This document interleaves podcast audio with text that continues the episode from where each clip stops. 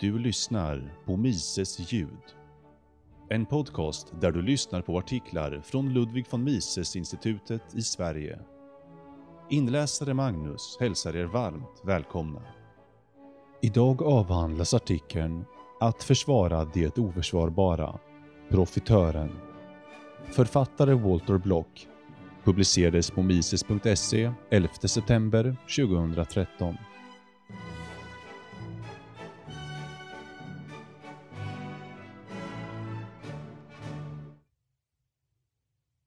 Under lång tid har profiter och det mesta som har med dem att göra fått kritik. Anledningarna till kritiken är dock inte speciellt klara. Många olika argument kan särskiljas. Det vanligaste är att profiter, till skillnad från andra inkomstkällor såsom lön, hyra eller till och med ränta, är oförtjänta. Det finns inget ärligt arbete bakom förtjänsten. Många människor förstår inte processen bakom profiten och antar att det pågår något otillbörligt. Det är inte rättvist att man kan tjäna pengar utan att behöva arbeta för dem. Ett annat argument mot profiter, och speciellt mot ocker, oförsvarbart höga profiter, är att sådana profiter armar ut resten av befolkningen. Man föreställer sig att det bara finns en begränsad mängd rikedom tillgänglig. Och om profitörerna får en större del av den, blir det mindre kvar till oss andra. Därför är profiter inte bara oförtjänta. De skadar faktiskt folk genom att ta rikedom ifrån resten av samhället. Det framstår också för många som om profiter tjänas genom att dra fördel av andra människors svagheter. Det här är den tredje typen av argument och det representeras av det hånfulla uttalandet att profitörer tjänar pengar på andras olycka. När förtjänster görs på grund av att andra saknar information eller kunskap blir angreppen på profitörer särskilt kraftfulla. Och om kunder är fattiga är det ännu mer föraktfullt att tjäna pengar på dem. Det vanliga försvaret av profitörer är inte speciellt bra. Det har ofta begränsats till att påpeka att 1. Profiter är patriotiska och att kritisera dem är oamerikanskt och kanske till och med kommunistiskt. 2. Profiterna är inte speciellt stora i vilket fall som helst. Och 3. Profiter används i många fall, till välgörande ändamål. Det är ganska uppenbart att dessa argument inte är speciellt hållbara. Man måste betrakta funktionen profiter har i den moderna ekonomin för att kunna försvara den uråldriga och ärofyllda sysselsättningen att vara profitör. Först och främst, profiter tjänas av entreprenörer och ser och utnyttjar möjligheter andra människor inte ser. Vad möjligheten är varierar, men entreprenören erbjuder alltid utbyten som alla parter tycker att de vinner på och som inte hade ägt rum utan entreprenören. I typfallet upptäcker entreprenören en prisskillnad. Jordgubbar kostar 25 kronor liter i Skärholmen och 45 kronor liter på Stureplan. Så länge prisskillnaden är större än kostnaden för entreprenören att transportera varan kan han erbjuda två affärer. Han erbjuder sig att köpa jordgubbar i Skärholmen för lite mer än 25 kronor litern och han erbjuder sig att sälja jordgubbar på Stureplan för strax under 45 kronor litern. Om han kan hitta villiga säljare och köpare så tjänar alla på transaktionen. Säljarna får mer betalt, köparna får billigare jordgubbar och entreprenören har gjort sig en nätt liten profit.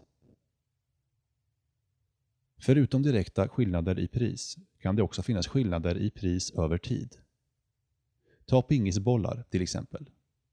Tänk på alla faktorer som behövs för produktionen.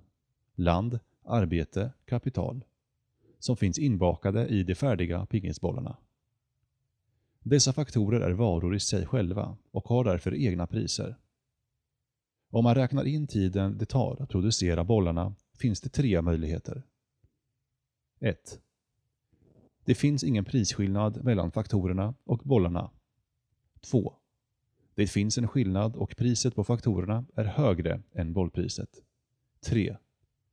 Det finns en skillnad och priset på faktorerna är lägre än bollpriset.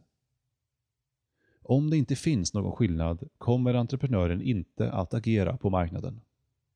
Om priset på faktorerna är relativt högre kommer entreprenören att se till att det inte används i produktionen. Det vore ren kapitalförstöring att ödsla produktionsfaktorer på en vara som blir mindre värd än faktorerna själva. Entreprenören kanske säljer sina aktier i firman som producerar bollarna. Eller om man inte har några aktier i firman kan han göra en blankningsaffär. Om entreprenören istället tror att priset på faktorerna är lägre än priset på bollarna kommer han att antingen köpa aktier i företaget eller börja producera pingisbollar själv.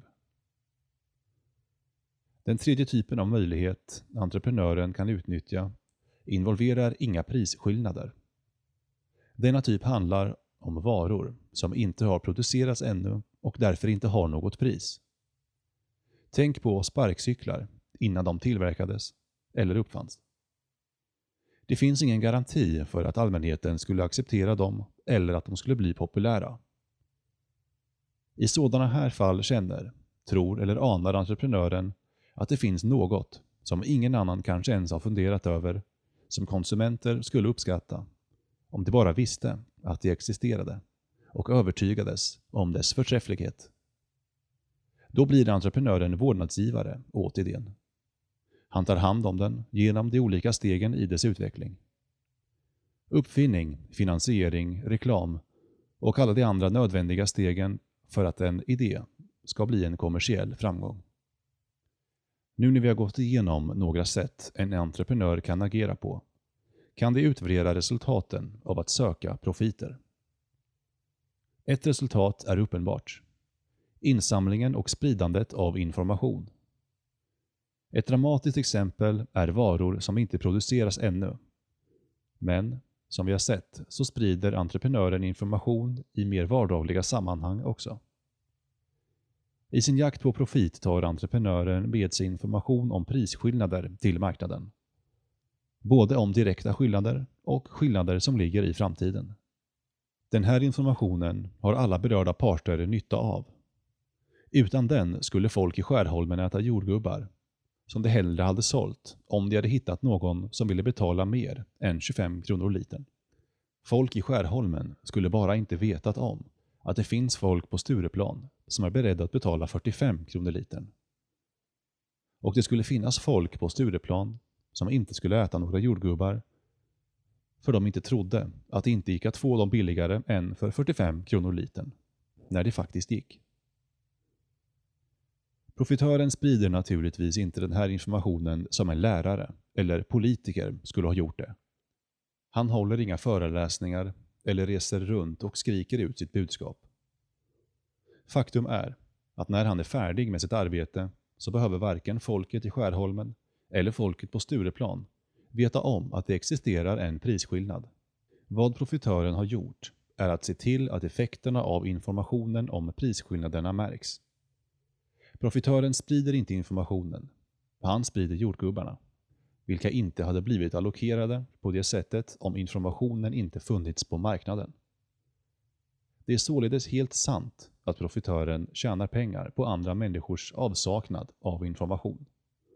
Om all relevant information var tillgänglig skulle entreprenören bara kunna tjäna ytterst lite pengar på att transportera jordgubbarna från Skärholmen till Stureplan. Men även om det är sant är det knappast förkastligt. Vem som än säljer produkter måste sälja dem till kunder som saknar dem. Att avsaknaden beror på bristande kunskap gör inte avsaknaden eller behovet mindre verkligt. Profitören utnyttjar den bristande kunskapen hos sina kunder på samma sätt som bonden utnyttjar hungern hos sina kunder genom att tillhandahålla det kunden saknar. Entreprenörens profit görs därför inte på någon annans bekostnad. Det är inte sant att det måste finnas förluster någonstans i ekonomin som är lika stora som entreprenörens vinster. eftersom det inte är sant att entreprenören inte skapar någonting. Entreprenören skapar faktiskt någonting. Han skapar möjligheten till samarbete mellan olika och ofta vitt åtskilda grupper. Han är en mäklare, eller mellanhand, i möjligheter. Det är hans uppgift att se till att ömsesidigt fördelaktiga arbetsmöjligheter inte missas. Att den typen av verksamhet skulle betraktas som oärlig är helt utan grund. Förutom att tillföra marknaden information eller effekterna av information förser profitören marknadsaktörerna med valmöjligheter de inte annars skulle ha haft. Då profitören erbjuder helt nya produkter på marknaden är detta uppenbart. Men samma sak gäller för prisskillnader över tiden. Detta då samhället tjänar på att resurser inte slösas på slutprodukter som har mindre värde än resurserna själva. De resurserna kan användas till att producera värdefullare slutprodukter. Det vill säga produkter som konsumenterna har mer nytta av.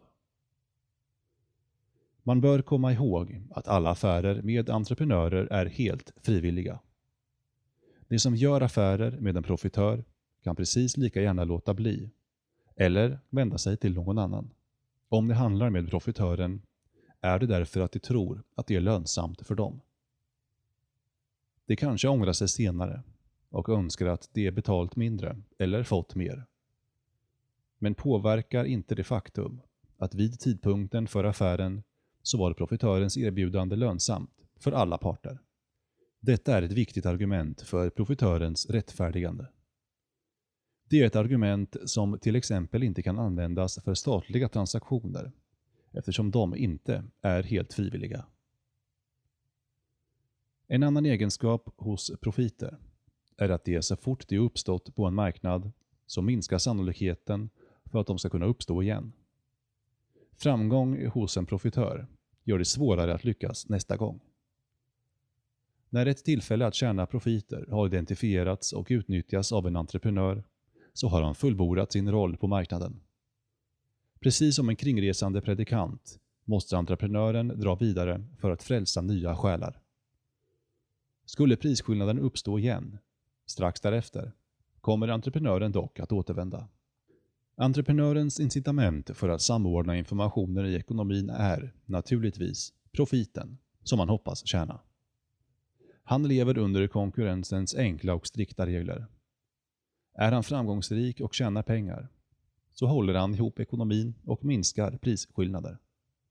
Men misslyckas han och köper när han borde sälja, eller säljer när han borde köpa, så kommer han förlora pengar. Ju mer han gör fel, desto svårare blir det för honom att fortsätta. Vi kommer aldrig att få en perfekt marknad helt utan defekter. Men den mekanism som ständigt förbättrar ekonomin och sållar ut dåliga entreprenörer borde uppskattas av alla på marknaden. Ovan har vi kanske lyckats försvara profiter. Men vi har inte sagt något om ocker. Det är viktigt att nämna ocker eftersom många människor hävdar att måttliga profiter kanske är fördelaktiga för samhället. Men extrema profiter, ocker, är endast skadliga. Ordet ocker har alltid haft en negativ konnotation. Profit och jag hatar den jäveln blir ocker på samma sätt som principfast och jag tycker annorlunda blir envis. Det finns inget motsvarande ord för löntagare som får en extremt hög lön. Kanske därför att den allmänna opinionen föredrar höga löner framför höga vinster. Bortser man från semantiken så borde det vara så att om profiter är fördelaktiga för samhället så borde ocker vara ännu mer fördelaktigt. Möjligheten att tjäna profiter uppstår när något är fel i ekonomin. Människor missar fördelaktiga affärsmöjligheter. Realiseringen av dessa profiter indikerar att felet håller på att åtgärdas. Entreprenörer för samman jordgubbsmarknaderna i Skärholmen och på Stureplan. Eftersom möjligheten att tjäna profiter visar att något är fel i ekonomin, så visar möjligheten till ocker att det finns ett ännu större fel. Och om vanliga profiter indikerar att felen åtgärdas, så indikerar ocker att felen åtgärdas med rasande fart. Istället för att betrakta vanliga profiter som acceptabla och ocker som exploaterande kan vi se det som att ju större profiter och mer ocker, desto mer görs för att laga ekonomin. En analogi ifrån läkekonsten skulle vara att om plåster är bra för att det skyddar ett sår, är gips ännu bättre för att de skyddar en allvarligare skada. Det viktigaste försvaret för profiter baseras på principen om politisk frihet. Det finns två grundläggande sätt att sköta en ekonomi på. Det första är med frivillighet och decentralisering, med konkurrens och vinstincitament. Det andra är under tvång och centralstyrning, med produktionsdirektiv och order från en ekonomisk diktator. De två sätten är extremer och alla ekonomier är en blandning av de två. Planekonomin är enkelheten själv. De ekonomiska ledarna bestämmer helt enkelt vad som ska produceras, av vem och för vem. I motsats till detta är den frivilliga marknadsekonomin mycket komplicerad. Alla individer måste bestämma sig för vad de ska göra och hur de ska göra det. Incitamenten är nöjet varje individ får ut av arbetet och av vad han kan byta till sig för arbetet. Istället för att en ledare styr ekonomin så styrs den av möjligheten att tjäna pengar och risk att göra förluster. Beakta då paradoxen i att de som kritiserar profitörer och hela marknadsekonomin ofta är förespråkare av decentralisering och individens personliga rättigheter. Men när de attackerar profiter och ocker attackerar de inte bara individens rätt att välja på marknaden, utan också grunden för frihet i alla aspekter av vårt liv. I sina attacker på profiter och ocker är de inte bättre än despoter och diktatorer. Om de fick som de ville skulle profiter vara strängt reglerade eller helt olagliga och tvingande kollektivism skulle ersätta dem. Individuell frihet skulle dränkas i en tidsvåg av order och direktiv ovanifrån. Individen kan inte vara fri om hennes ekonomiska existens regleras av dekret från en diktator, vars påbud inte kan överklagas. Om du får sparken, en anställd säger upp sig, en kund slutar handla hos dig eller en leverantör vägrar leverera i en marknadsekonomi så finns det andra chefer, anställda, kunder och leverantörer. Men om samma sak händer i en planekonomi finns det inga alternativ. Avvikelser, egenheter och icke-ortodoxa övertygelser tolereras inte. Sexuell profit är tabu. Förespråkare av mänskliga rättigheter har en briljant och verkligt human åsikt när det gäller sexuell frigörelse. Allt är tillåtet mellan samtyckande vuxna och implicit. Ingenting är tillåtet om det inte är mellan samtyckande vuxna. Men de vägrar att applicera den ståndpunkten på något annat än sexuell frigörelse. I synnerhet vägrar de att använda argumentet inom ekonomin. Men denna humana maxim borde användas inom alla områden. För alla övertygelser och läggningar. Både profitörer och perversa, entreprenörer och fetischister, börshajar och sadomasochister. Att excentriker, kufar och den sortens människor orättvist ses ned på är min fasta övertygelse. Och det är likadant med profitörer. De föraktas på lika lös grund när de i verkligheten gör samhället en tjänst genom sin existens. En sista kritik av profiter och fri ekonomi är att för länge sedan, i ett jordbrukssamhälle, när livet var enklare, var kanske marknadsekonomin praktisk. Men idag räcker inte det som fungerade för bönder och småskaliga handelsmän. I vårt komplexa industrisamhälle kan vi inte låta individer med sina oförutsägbara infall styra saker och ting. Vi behöver en starkt centralstyrd ekonomi utan profiter. Detta är en utbredd uppfattning. I vissa sällskap anses den vara helt självklar. Men en analys av profiter som visar deras starka samband med avsaknaden av information pekar åt det andra hållet. Profiter är ett ovärderligt incitament för att samla information och sprida effekterna av den på marknaden. Denna avsaknad av information och hur den utnyttjas kan ses som ett tecken på en högt utvecklad modern industriell ekonomi. Därför borde profiter och profitörer bli mer värdefulla för ekonomin desto komplexare ekonomin är. För i en sådan ekonomi är informationen som automatiskt tillhandahålls genom tillgång och efterfrågan oumbärlig. Ekonomisk diktatur är, om det någonsin är det, vilket det inte är, lämpligt endast i en enkel ekonomi som kan hanteras av en grupp byråkrater. Till sist, en klar och skarp gräns måste dras mellan profiter som tjänas på marknaden och profiter som tjänas genom statliga bidrag och subventioner. På marknaden sker alla transaktioner frivilligt. Därför blir alla profiter resultatet av frivilliga val av aktörerna och beror därför på behovet i ekonomin. Följaktligen visar möjligheterna till profiter att det finns ett behov och den realiserade profiten att behovet håller på att tillfredsställas på en fri marknad. Detta är inte sant på en marknad som inte är fri. Profiter i en blandekonomi, en ekonomi med inslag av både marknadsekonomi och planekonomi, kan uppkomma på grund av att konkurrens förbjuds. Till exempel skulle en importtull öka efterfrågan på inhemska varor, vilket skulle öka profiten på dessa. Men den ökade profiten beror inte på att profitören har tillfört information till marknaden eller att han har tillfredsställt några behov. Snarast är det tvärtom och sambanden mellan profiter och välfärd gäller därför inte längre.